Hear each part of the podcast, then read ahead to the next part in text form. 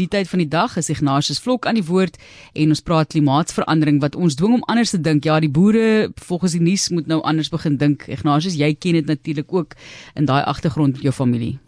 Ja, Martlies, maar ek het ook familie wat in die mediese bedryf is, so ek sal maar later by hulle hoor hoeveel waarheid daarin steek in dit waaroor ons wel vandag gaan praat.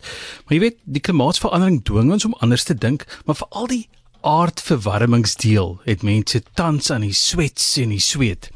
So dink dokters anders oor lijksakke.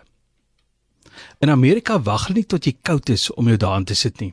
Hulle gebruik lijksakke om mense af te koel.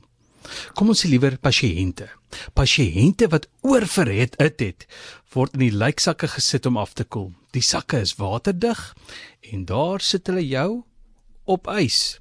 Daar's ook spasie om sekere prosedures te verrig, so die yssakke is prakties vir behandeling. Nou die sakke koel jou glo 2 keer so vinnig af as ander metodes. Seker maar oor jouself koud skrik. Maar lyk my dis net die dokters wat anders dink. In Amerika is daar vanjaar reeds meer as 12000 hoë temperatuur rekords gebreek. Nog 'n rekord wat verband hou, het gespat. In Arizona het hulle hitte het gemaak dat almal gelyk ligversorgers aansit en so sorg hulle toe vir die rekord vir die meeste elektrisiteit wat op een slag gebruik is.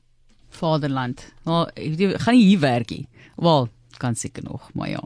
Dis net nog 'n fase wat ons instel by ja, Atelies. Nog 'n fase. Nog 'n fase. Ek het goed soos 10 en 16 gesien. Ek ek wil nie ek wil nie daaraan dink nie.